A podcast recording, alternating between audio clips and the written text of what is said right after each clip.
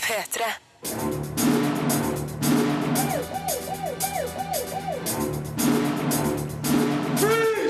Filmpolitiet!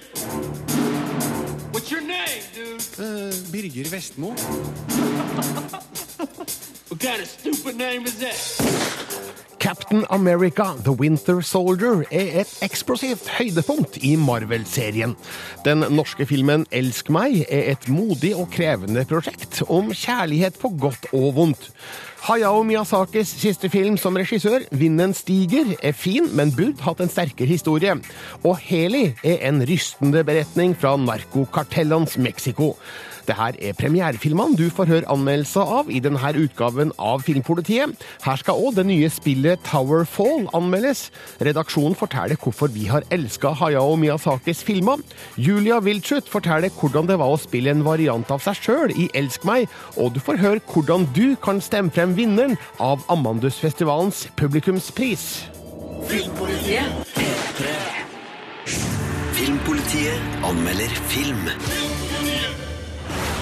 You do anything fun Saturday night? Well, all the guys in my barbershop quartet are dead, so no, not really. Den første Captain America var en frisk og annerledes superheltfilm med sin tegneserielignende og art deco-inspirerte førkrigsestetikk. Det mangler nødvendigvis i Captain America The Winter Soldier, siden handlinga nå foregår i vår egen tid. Men filmen imponerer med en saftig historie, krydra med nok skyting, slåssing og spektakulære bilder til å tilfredsstille enhver actionjunkie. Det her er en effektorgie som til og med trekker paralleller til den virkelige verdens internasjonale overvåkningspolitikk. Captain, to build a better world sometimes means tearing the old one down. Chris Evans spiller Steve Rogers, kjent som Captain America, som fremdeles forsøker å tilpasse seg den uvante nåtida etter flere tiår i nedfrosset tilstand. Når Shield-sjefen Nick Fury, spilt av Samuel L. Jackson, oppdager at hele organisasjonen trues fra innsida, må Captain America og Black Widow, spilt av Scarlett Johansson, kjempe mot både nye og gamle bekjentskaper for å finne sannheten. You. Det skjer ting i filmen som ikke skal avsløres, men som legger forholdene til rette for et forholdsvis avgjørende klimaks. Med så mye på spill kan man gjerne lure på hvorfor ikke Iron Man, Hulken, Hawkeye og Thor kalles inn, men Captain America og Black Widow er slett ikke uten slagkraft. De kjemper seg igjennom den mest slåssete Marvel-filmen så langt, noe som har gitt en 15 års aldersgrense.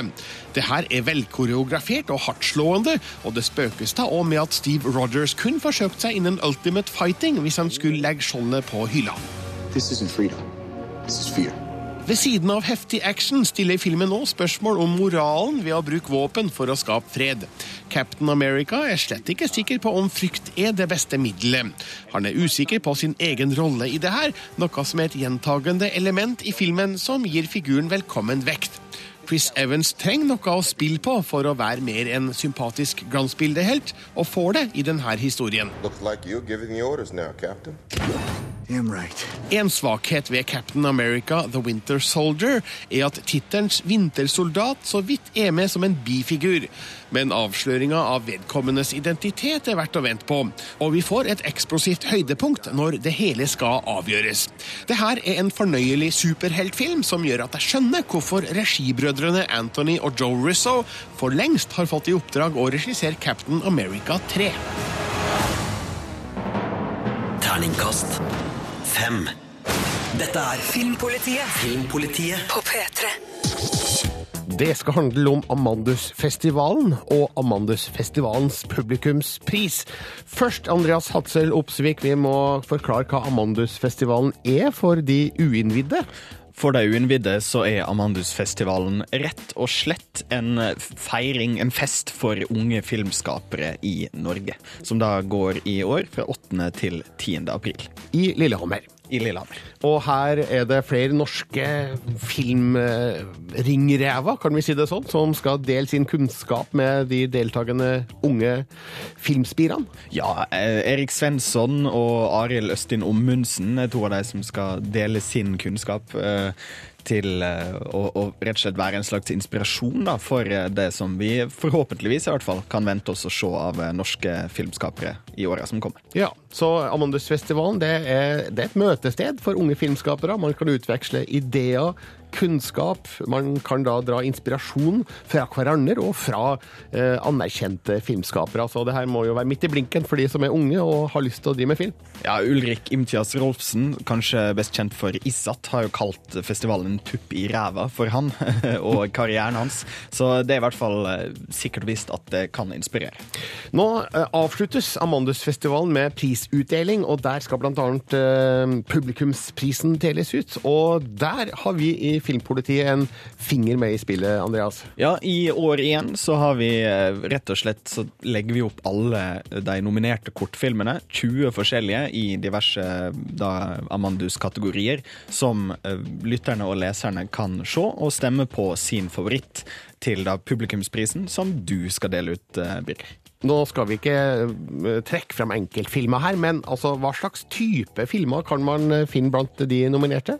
Det er alt fra rockemusikkvideoer til eh, sånne bisarre små animasjonsfilmer til mer sånn klassiske action-thriller-filmer. Det, det, det er vidt spekter, i hvert fall, på filmene som du kan se på nettsidene våre. p3.no filmpolitiet. Og Amandusfestivalens publikumspris deles da ut eh, mot slutten av Amandusfestivalen, som går mellom 8. og 10. april. Gå inn på p3.no slash filmpolitiet, se de nominerte, stem på dem du liker, og vær med og bestem hvem som vinner Amandusfestivalens publikumspris. Filmpolitiet anmelder film. Hei, mamma. Hallo. Har du hørt noe fra pappa i det siste? Et flyktig far-datter-forhold er grunnlaget for Hanne Myrens film 'Elsk meg'. Det er et sympatisk drama, der historien ikke nødvendigvis forklares i klar tekst, men pakkes inn i hverdagslige samtaler og situasjoner som gjør at man likevel forstår hva det dreier seg om. Dialog basert på improvisasjon skaper en følelse av dokumentarisk troverdighet som filmen nyter godt av. Kan du vente med å sove til jeg sovet? Allerede i tittelen avsløres behovet som Maria, spilt av Julia Wildschut, ikke får dekka, sjøl om hun har kjæresten Adam, spilt av Ahmed Wasti. Hun har problemer med å la seg bli elska, grunnet farens avvisning tidligere i barndommen, da han flytta utenlands etter en skilsmisse. Når faren Pål, spilt av Petrus Wildschut, plutselig kommer på Oslo-besøk, river det opp gamle sår som truer forholdet til Adam. Jeg har ikke gjort deg en dritt annet enn å bedt deg om å være en god kjæreste og være mann nok til å stå opp for dama di. Det som fungerer best, er hvor naturlig hovedfigurene relaterer seg til hverandre. I en dårligere film ville figurene kanskje skreket til hverandre med piggene ute, men her er dramatikken på et mer lavmælt og troverdig nivå. Vi forstår krisene, uten at figurene smeller og bråker mer enn nødvendig. De store oppgjørene foregår uten overspill og overdramatiserende dialog. Hvis du dumper meg, du kommer aldri til å få deg en ny dame. Elsk meg skal være løst basert på skuespillernes egne liv. Julia Wildschut spiller mot sin virkelige far og sin virkelige kjæreste. Det her gir samspillet en ekthet som kanskje ville ha vært vanskeligere å oppnå i en ren fiksjonsfilm. Forholdet mellom Maria og Adam er nært og intimt, men prega av hennes redsel for å bli forlatt. I scenene med faren ser man gjensidig respekt og kjærlighet, men også Marias lengsel etter bekreftelse. Elsk meg avsluttes brått etter bare 1 time og 15 minutter, men tidspunktet er passende. Historien trenger ikke være lenger, og utgangen er tydelig nok. Hanne Myhren gjør med det her en fin debut som spillefilmregissør. Det er modig og krevende å lage film uten manus, men det har hun klart, kanskje takket være hennes bakgrunn fra dokumentarfilm. Historien er kanskje ikke den mest oppsiktsvekkende, men den gir noen fine beskrivelser av kjærlighetens makt over mennesker, på godt og vondt. Terningkast fire Filmpolitiet. på P3. Nå tilbake til premierefilmen 'Elsk meg', der regissør Hanne Myhren har fått nykommer Julia Wiltshut til å spille en variant av seg sjøl under navnet Maria. Egentlig var tanken å lage en film om ung kjærlighet, men et stykke ut i prosjektet oppdaga Myhren at Julia hadde et eh, uløst problem som var interessant å utforske. Julia Wiltshut forteller sjøl til reporter Hanne Skrikerud. Så forandret liksom prosjektet seg litt underveis, da jo mer Hanne ble kjent med meg, tydeligvis. Um, og da ble det litt mer sånn Litt mer dypere i meg enn det på en måte det, det var fra dag én. Det som gjør vondt i Julias liv, er faren. Han som reiste fra dem, som ofte er umulig å få kontakt med, men plutselig melder seg og er superpappa. Hei, se på deg. Se på deg. Jeg har alltid vært pappajente. Alltid, pappa har alltid vært min nummer én. Og derfor tror jeg jeg tar det så tungt som jeg har gjort det i barndommen min, da, når han melder seg litt ut. Virker ikke. Å ja. Men når livet ditt skal bli en film, må du ta regi. Hanne Myhren skrev inn en konfrontasjon i manus. Det hadde jeg nok aldri gjort. Uten Nei. Det hadde jeg nok ikke. Føler du så godt å ha gjort det? Nei. Eller jeg skal ikke svare for fort. det er jo vondt å høre hva min far sier i filmen, um, men jeg forstår det. Ok, det var hans behov, da. Um, min, meg, Julia voksen, sier ok, da er det hans behov. Men jeg, barnet Julia, sier jo at fy fader, ass, det skulle aldri ha skjedd, liksom. Eller sånn skal man ikke gjøre. Men sånn kommer det alltid til å være. Jeg har på en måte fått en litt sånn avslutning, da med denne filmen over det.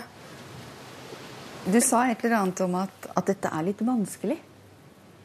Altså Nå er filmen her, og alle kan se den. Og... Mm. Hva mente du med det? Nei, det er jo både hvordan Altså Nå har vi fått bare gode kritikker hittil, men folk skal jo dømme livet mitt. Så det er jo veldig vanskelig for meg å på en måte blotte meg så mye. Men uh, fordi hadde ikke jeg gjort det, så ville jeg gjerne at noen andre skulle ha gjort det. For, at, for det, er stor, det er en stor greie. Dette her med usikkerhet og feighet og alt det der er en stor greie folk ikke helt har lyst til å, å kjenne på seg, seg, selv. Det tok jo 20 år før jeg turte å kjenne på de følelsene Hanne tok, altså, tok ut av meg. Da, på en måte. All den usikkerheten om å bli forlatt. Men jeg kunne godt ha unngått at hele Norge ha sett det. For jeg har jo liksom, har liksom fått bearbeidet det mens vi filma. Så fikk jeg jo liksom snakket, jeg fikk opplevd, jeg fikk um, spille liksom de tingene. Men um, at alle på en måte. Men, men, på en måte det er veldig bra òg. Det, det, er bra for andre. Så slutt å være egoistisk og tenke at det er bra for andre. Det er det eneste jeg kan gjøre nå.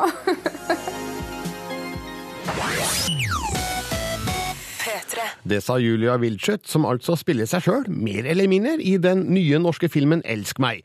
Intervjuet ble gjort av Hanne Skrikerud, og du kan se en lengre versjon i siste utgave av Filmbonanza på tv.nrk.no. Filmpolitiet anmelder spill. Nå er Towerfall Ascension klar for PlayStation 4 og PC.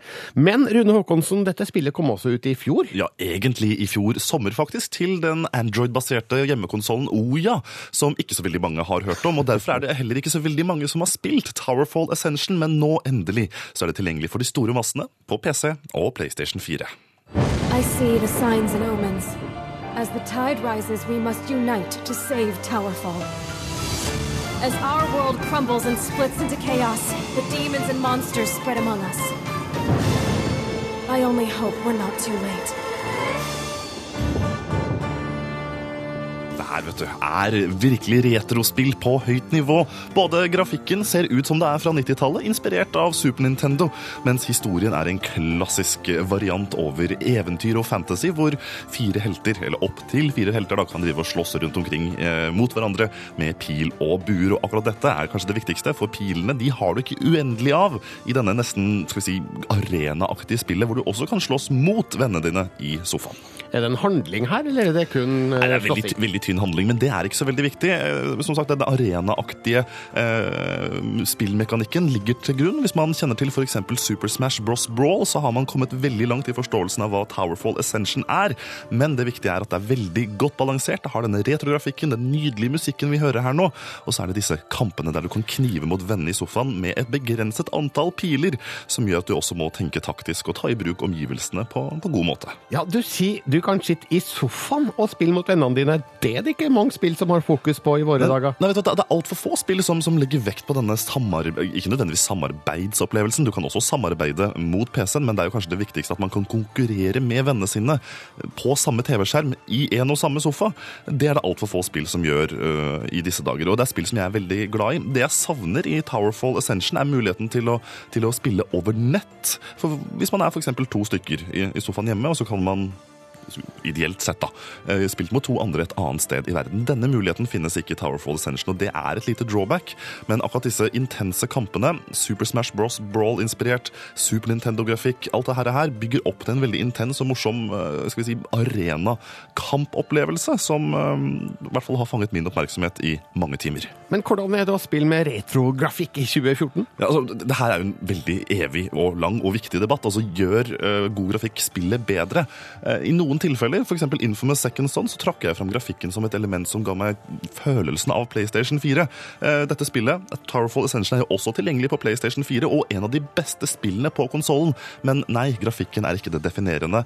Her er det igjen den retrofølelsen og nostalgien som også er veldig viktig, og det bygger også opp opplevelsen av selve spillet. Jeg blir gira når du sier at det er fokus på å game i sofaen, for det syns jeg er mer gøy enn å spille online Ja, så, ja, i hvert fall Du kan spille sammen med artige folk som du kan drive og dytte litt til sida og krangle litt og faktisk fortsette kampen etterpå. Ja, Og le hånlig av når du knuser dem. Jeg er i hvert fall en sånn fyr som gjerne Jeg, jeg, jeg bruker mye lyder når jeg spiller, øh, og det ble veldig åpenbart i går når jeg spilte Towerfall Ascension, og derfor må jeg gi Terningkast fem.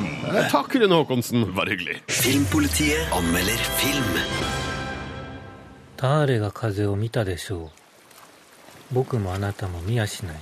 Vinden stiger fra studio Ghibli er animasjonsmester Hayao Miyazakis farvel som regissør. Jeg skulle ønske han satt punktum med et mesterverk, men riktig så sterk er filmen dessverre ikke. Den er full av flotte enkeltsekvenser, oppfinnsomt fortalt med nydelig håndtegna animasjon. Men historien er for svak. Miyazaki forsøker å fortelle to overlappende historier, men de ender opp med å forstyrre hverandre og skade fremdrifta. けれどこの葉を震わせて 風は通り抜けてゆく Historien er basert på virkelige personer og hendelser tidlig på 1900-tallet. Jiro Horikoshi drømmer om å fly, men kan ikke bli pilot pga. dårlig syn, og fokuserer derfor i stedet på å designe fly. Samtidig møter han vakre Nahoko på et tog under svært dramatiske omstendigheter, noe som senere starter en romanse som forvanskes av både flykonstruksjon, sykdom og utsikter til krig. Giros fascinasjon for fly skildres godt i flere drømmesekvenser, der han møter den italienske flykonstruktøren Bertoni og diskuterer sine felles interesser. Det er òg interessant å se hvordan Giro og hans kolleger henter inspirasjon fra tyske konstruktører for å bygge bedre fly. Luftige scener er godt animerte og gjør figurenes engasjement forståelig. Mange av lydeffektene er gjort av menneskestemmer, som er en uvant og spennende tilnærming. Dessverre er filmen utrolig nok lydlagt i mono, som gjør totalopplevelsen litt fattigere. 震災の時本当にありがとうございました Mitt største ankepunkt mot Vinden stiger er den tamme kjærlighetshistorien. Den er prega av store klisjeer og plattføleri som jeg ikke faller for. Den virker òg helt malplassert i historien om flykonstruktøren, to helt forskjellige temaer som kanskje ikke burde vært blanda. Hver gang romansen kommer inn, faller temperaturen i filmen betraktelig og gjør den rett og slett kjedelig. 風を翼を震わせてあなたのもとへ届きませ Vinden stiger er dessverre ikke på linje med Miyazakis beste filmer, som Shihiro og heksene, Prinsesse Mononoke og Min nabo Totoro. Det er heller ikke hans beste flyfilm, for der føler jeg Porco Rosso fra 1992 er et hakk bedre. Men det er likevel litt vemodig å se Vinden stiger, med visshet om at det her er Miyazakis svanesang. Det er en fin siste film fra en gammel mester, sjøl om jeg skulle ønske han hadde en sterkere historie å fortelle. 里見直子と申します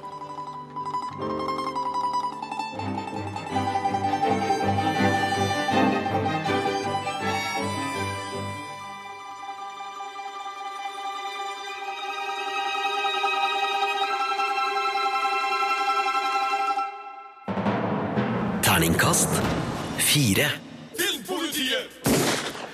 Vinden stiger har altså norgespremiere i dag. Den aller siste filmen fra animasjonsmester Hayao Miyazaki.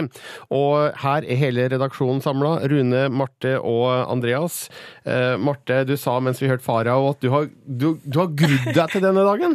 Jeg gruer meg, eh, altså jeg gleder og gruer meg til å se eh, Vinden stiger, fordi dette er jo Hayao Miyazakis eh, aller siste film, har han jo sagt. Og det er jo ganske vemodig. Ja, men du sa noe annet før Farao var ferdig her i sted. Du gruer deg til at Hayao Miyazaki skal dø! Ja, jeg, er, jeg er veldig veldig fan av denne fantastiske filmskaperen. Og jeg går faktisk liksom og tenker på sånn i hverdagen at det kommer til å bli jævlig trist den Gjør du det? Du heller deg en kopp melk og tenker på at Ja. Hayao Miyazaki kan dø hvert øyeblikk nå? Ja, faktisk... Bare, bare kontemplere over framtiden hans. Nei, ja. Eh, altså, jeg har begynt å, eh, Etter at jeg så traileren for Vinden stiger første gang i slutten av sommeren i fjor, eller noe sånt nå, så har jeg sett den traileren mange ganger, og jeg har begynt å gråte hver gang. Så det skal jo bli interessant når jeg skal på kino på den i kveld. Men hvorfor, er, hvorfor elsker vi Hayao Miyazaki? For meg så handler det om, om måten han klarer å, å få fantasien til å leve på lerretet gjennom filmene sine. Eh, For noen år tilbake så jobba jeg som kinomaskinist på kinoen i Skien.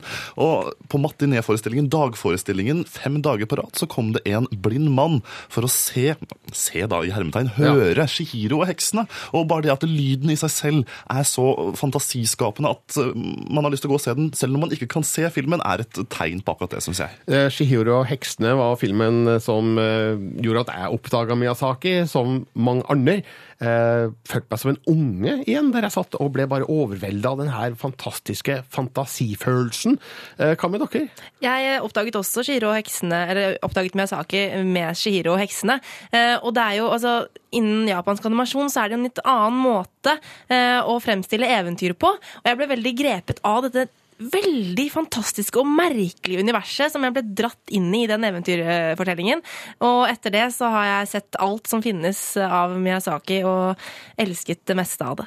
Ja, som mange andre så er det det samme. Giro-heksene var på en måte min vei inn i både Miyazaki, men òg japansk animasjonskunst generelt. Og i gamle dager, eh, eller for noen år siden, som det heter, eh, i hvert fall i mitt eh, livsspenn, så hadde en den uavhengige filmbutikken DVD 2000 i Bergen, som bare var en kjeller med enormt mange hyller. Og det var sånn, det hadde en som var sånn japansk, sto det over. Og da var det bare sånn, du kunne bare være der i timevis og bare se på coveret, fordi det var noe av det mest fantastiske enn bare å se det, og, og kunne ta det med hjem og se det etterpå. Nydelig. Men vi, vi må ikke gå helt, helt i, i grøfta nå over at Miyazaki har sagt at han skal pensjonere seg, for han har jo en sønn som har gjort det som jeg føler er den eneste rette, nemlig å ta opp arven etter sin far. Goro Miyazaki har, eh, da var det i fjor, som ga ut filmen um, Oppå Valmueåsen, het den på norsk, From Up on Poppy Hill, og, og den gir jo et, en indikasjon på at arven lever videre likevel, da. Men du, jeg fant et sitat her på en, jeg leste en artikkel på norskanimasjon.no som siterer en eh, filmkritiker på film.com, David Ehrlich, og han, han skriver Hayao Miyazaki is the greatest animator the cinema has ever known. Enig? Ja. Ikke langt unna. Større, større enn Disney? Jeg syns det er større enn Disney, i hvert fall så- sånn i forhold til hvordan historien og filmene har truffet meg. Du var ikke helt der, Andreas? Nei, eh, ja, jeg vet ikke helt eh, hvem jeg skal plukke ut hvis jeg skal plukke ut én person, eh, men Miyazaki er absolutt sånn den største i Østen, uten tvil, og blant aller største i verden. Jeg elsker jo Disney og har vokst opp med Disney ekstremt mye i barndommen, øh, og er veldig, veldig glad i både han og veldig mange av filmene hans. Men eh, Miyazaki treffer meg på et emosjonelt plan på, i mye større grad enn Disney klarer å gjøre med sine filmer. En annen ting er jo at Miyazaki har vært den fremste og nesten den eneste eksponenten av håndtegna animasjon. Eh, Hvem skal vise oss det her på kino nå? et, et veldig vanskelig spørsmål, for han er jo kanskje den siste, som du sier da, eh, gjenlevende eh, mannen i denne tradisjonen med å håndtegne ting, og, og det legger man jo merke til også i uh, Vinden stiger, at det er en helt annen kjærlighet lagt ned i det visuelle, som, som kanskje nå dessverre er på vei ut da. Og det er så trist! Men du har én film igjen, Marte, Ja, og ja. Anders som elsker Hayao Miyazaki. 'Vinden stiger' har premiere i dag. Jeg ga den terningkast eh, fire. Og tilbake til den her eh, eh, anmelderen fra film.com, David eh, Ehrlich. Han, han fortsetter sitatet sitt med at And he leaves us with perhaps the greatest animated film the cinema has ever seen. Oi. Han er er uenig med deg. Men Rune, du så filmen sammen med meg. Mm, Jeg ga terningkast eh, fire. Eh, Jeg syns animasjonen er fantastisk. Syns det skorter litt på historien, og du var enig med meg. Ja, for, for den, litt av den fantasien som kanskje har kjennetegna eh, de foregående filmene hans, var ikke til stede i samme grad, og det var en mye mer moden og voksen fortelling som ikke helt passa inn i Miyazaki-arven, syns jeg. For det er jo ikke en eventyrfilm denne gangen, Nei. og da vil det jo ikke bli den fantasien på samme måte, da.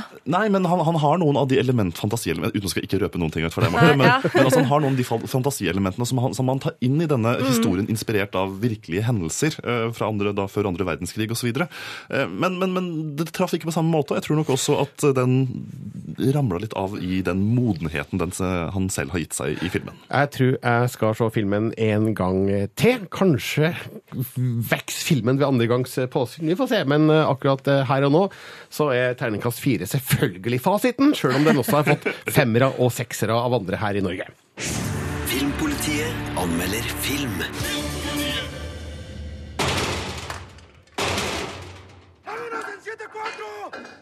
Regissør Amat Escalantes forrige film Los Bastardos var et knyttneveslag i magen. Heli er bokstavelig talt et cricketkølleslag mot ryggmargen. Det er en rystende beretning om narkobanders umenneskelige fremgangsmåter i Mexico. Det er et velspilt drama der Escalante velger sine virkemidler med omhu. Filmen far stille frem, men noen av bildene er svært sterke. Effekten er uunngåelig. Heli gjør inntrykk. Se. Heli, spilt av Armando Espitia, bor på den meksikanske landsbygda med familien sin. Lillesøster Estela, spilt av Andrea Vergara, har en hemmelig kjæreste, Beto, spilt av Juan Eduardo Palacios, som er politistudent. Han finner noen pakker med narkotika og gjemmer det hjemme hos Estella. Heli oppdager pakkene og kaster innholdet. Det skal vise seg å få fatale konsekvenser. Filmen viser hvordan en helt vanlig familie dras inn i narkobandens nådeløse verden, og hvilke konsekvenser det kan få Chris Demmers veier. Historien viser òg avmakten familien føler i forhold til den videre politietterforskninga, all den tid det finnes klare indikasjoner på at politiet sjøl er involvert i narkotrafikken. En scene der politiet har iscenesatt en destruksjon av et stort parti narkotika foran et stort medieoppbud, viser ved hjelp av politimenns indignerte ansiktsuttrykk at det her slett ikke er en gledens dag for dem. Det skjer ting i løpet av filmens gang som er både vondt og sjokkerende. Figurenes reaksjoner på det som skjer, viser at de mer eller mindre har resignert allerede fra utgangspunktet. De vet hvilke krefter de har mot seg, og at det er best å ligge lavt og ikke lage for mye bråk. Hovedrollen som Heli spilles svært godt av Armando Espitia, som både får frem figurens følelse av hjelpeløshet og resignasjon, men også det underliggende raseriet. Nada. Heli er en ny, gledelig god film fra Amat Escalante som fortsetter å skildre fattige meksikaneres utfordringer. Dette er en sterk sosial kommentar til den altomfattende narkokriminaliteten i landet. Og akkurat som i Los Bastardos har han skapt én spesiell scene som du vil huske lenge etter at du har glemt resten av handlinga. Heldigvis avsluttes Heli med et nydelig stemningsbilde som viser glimt av håp.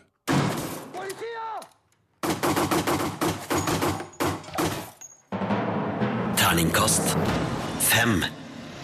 Les mer om film, spill og serier på p3.no Filmpolitiet. For ett år siden annonsert Funcom at deres neste MMO-spill baserer seg på Legos minifigures-figurer. Og nå har vi endelig fått en smakebit på spillet, det vil si Marte Hedenstad, du har fått det. Ja.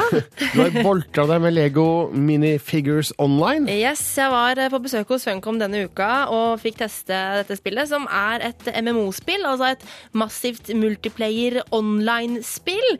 Eh, og da fikk jeg og fire andre, eller og jeg og tre andre, vi var fire stykker, teste en dungeon run i, eh, i piratverdenen av spillet, hvor vi da liksom skulle slåss oss gjennom en sånn dungeon mot masse, masse fiender, og måtte slå en stor boss til slutt. Ja, Det er litt sånn World of Warcraft-preg over det der, eller? Ja, altså det er jo en litt sånn typisk World of Warcraft-aktig. Man kan jo si at det er på en måte World of Warcraft for barn. eh, For det er jo eh, Lego-målgruppa Funcom retter seg mot med dette spillet her. Så sånn barn eh, helt opp til tolvårsalderen sånn cirka. Ja. Um, og det er jo da en sånn åpen spillverden hvor man kan spille med masse andre spillere og utforske og alt mulig sånne ting. Og så da teame opp med i et lag på fire stykker da, eh, og gjøre sånne instanser. Ja. Men du sier eh, spillet retter seg mot barn, men det fins mange voksne òg som digger Lego.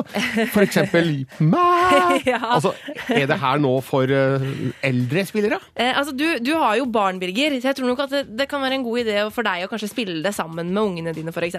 Ja. Eh, og det vet jeg at det er noe Funcom også ønsker. De vil gjerne at foreldre skal spille det sammen eh, med barna sine. Eh, men når det kommer til om voksne kommer til å spille det alene, er jeg litt sånn usikker. Fordi jeg merka at det var veldig lett da jeg spilte gjennom den ene dungeon. Vi kjørte veldig raskt eh, gjennom den på kanskje en halvtime. Nei, under en halvtime. Det var veldig kort, altså. Eh, Men så har Funcom prøvd å legge i litt elementer her for å gjøre det litt mer sånn komplisert. da, At man kan måtte liksom utføre forskjellige kombinasjoner i angrep med de forskjellige figurene sine. Sånn at, sånn, sånn at man får Altså man skader fienden mer, og eh, angrepene ser litt kulere ut og sånn. Mm. Men man trenger ikke få til de komboene for å få ned fiendene. Sånn at uh, vill trykking funker helt greit. Så da blir det kanskje litt for enkelt for, for voksne. Men, men det er jo veldig kult det der med Lego, og, og, hele, og hele spillet her baserer seg jo på disse minifigurene, som jo er en sånn etablert uh, merkevare hos Lego allerede. Man kan kjøpe de små posene uh, med en figur oppi. Uh, og litt av greia med det spillet her, eller en stor del av greia med det spillet her, er at man skal samle på disse figurene. da. Ja. Man kan enten kjøpe dem, fordi det er en free to play-modell det her, sånn at man skal kunne kjøpe disse minifigurene, men Funcom har lovet at man også skal kunne finne alle figurene i spillet. Og da kan man altså spille med dem i spillet, da, og så har alle forskjellige egenskaper og, og alt mulig sånne ting. Så det er veldig kult. Også, og en annen veldig kul ting som jeg må bare nevne, er at det, det er en del eh, ting i spillet som faktisk er bygd av Lego. Og det er ganske stilig. Ja, det vil jeg si. Det er ikke alle Lego-spill som har det. Og akkurat nå snakker vi om Funcoms nye MMA MMO-spill, herregud, den tunga rett i munnen her nå, eh, som heter Lego Minifigures Online. Eh, Marte Henstad, du har altså da fått testa det, og samtidig møtte du produsenten for spillet. Ja, eh, Lawrence Poe heter han, eh, og vi snakka litt grann om det at i spillet så er det en del elementer som ser ut som Lego. Og da kunne han Poe fortelle at det som ser ut som Lego i spillet, er faktisk laga av Lego også. So we've chosen worlds that, that we know are attractive to kids, but also that play on Lego themes that the the older fans of Lego, the parents, will, will appreciate from when they were kids. Uh, so we started off in the pirate world. We've also got a medieval world that plays on the classic Lego castle theme, and we have a space world. And in space world, we're drawing on themes that were very popular. Like when I was a kid, we have the, the lunar monorail set, which was, was always a favorite. Um, so the, the worlds themselves are largely made of Lego. Our artists use a program called the Lego Digital Designer. It's freely available for anyone to download on lego.com. Now this is a tool that contains all the bricks and all the rules for construction with Lego. So they use this tool to actually build all the models that are placed in the game, and then we run them through an optimization process, and then we put them right into the world. And what this means is that if you see it in our game and you have those bricks, you could build it yourself at home. Mm. And it also means that you can smash it in the game. Yes, and, and it also means that you could smash it and, and they fall apart into fantastic pieces. Det er noe av det morsomste med Lego, å knuse det man har laga. Så det var en del av spillet jeg eh, likte veldig godt. Eh, Det var Lawrence Poe vi altså hørte her som snakka om eh, Lego minifigures. Men det spillet her er jo en free to play-forretningsmodell. Funcom-gutta ville ikke si så veldig mye om hvordan akkurat det skal bli. Men det er jo veldig mange som har vært kritiske til denne delen å ha spill på. Men han Lawrence Poe mente at dette ikke kommer til å bli noe problem for dette spillet. Well, I, I, I like to think that when, when the game launches and people are exposed to our business model, that it will be viewed as fair. I, I think free to play in general has been in the news a bit recently, and maybe has gotten a bad rap. I think there's some bad actors in, in the industry. Obviously, we're Funcom. We have a good reputation. We're partnered with Lego, also has a very good reputation. Those reputations are important to us, uh, and we will have a business model that is friendly and fair. Hmm. There are tons of games similar to, to this one uh, online. Um, how is Lego Minifigures Online different? What sets Lego minifigures online apart uh, straight away is the cool characters. There's with close to 100 minifigures at launch, and we'll add more post launch. Uh, it, it is a game about collection, which, which then and of itself is, is fairly unique in, in this genre, uh, because you're not developing a single character. You're collecting a host of interesting characters and upgrading them as, as you play. When will our listeners be able to try this out? We'll be hitting open beta in early summer, and we'll be launching in the fall 2014. And in the meantime, we're in closed beta, and you can sign up for that at playminifigures.com. Though I can't guarantee that you'll get in, but you can sign up. Det sa produsent Lawrence Poe om Lego Minifigures Online, og spillet går altså i åpen beta til sommeren, Marte? Mm, det blir spennende å, teste litt mer av, av spillet da. Eh, og jeg snakka jo ganske lenge med han eh, Lawrence Poe, og hele intervjuet kommer vi til å ta med i podkasten Filmpolitiets DLC på mandag. Da må man gå inn på våre nettsider p3.no slash filmpolitiet og få med seg det. Marte Hedenstad, takk skal du ha. Takk skal du ha.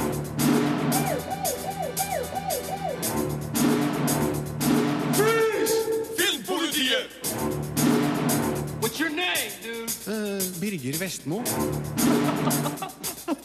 what kind of stupid name is that? Hør flere podkaster på nrk.no podkast. P3.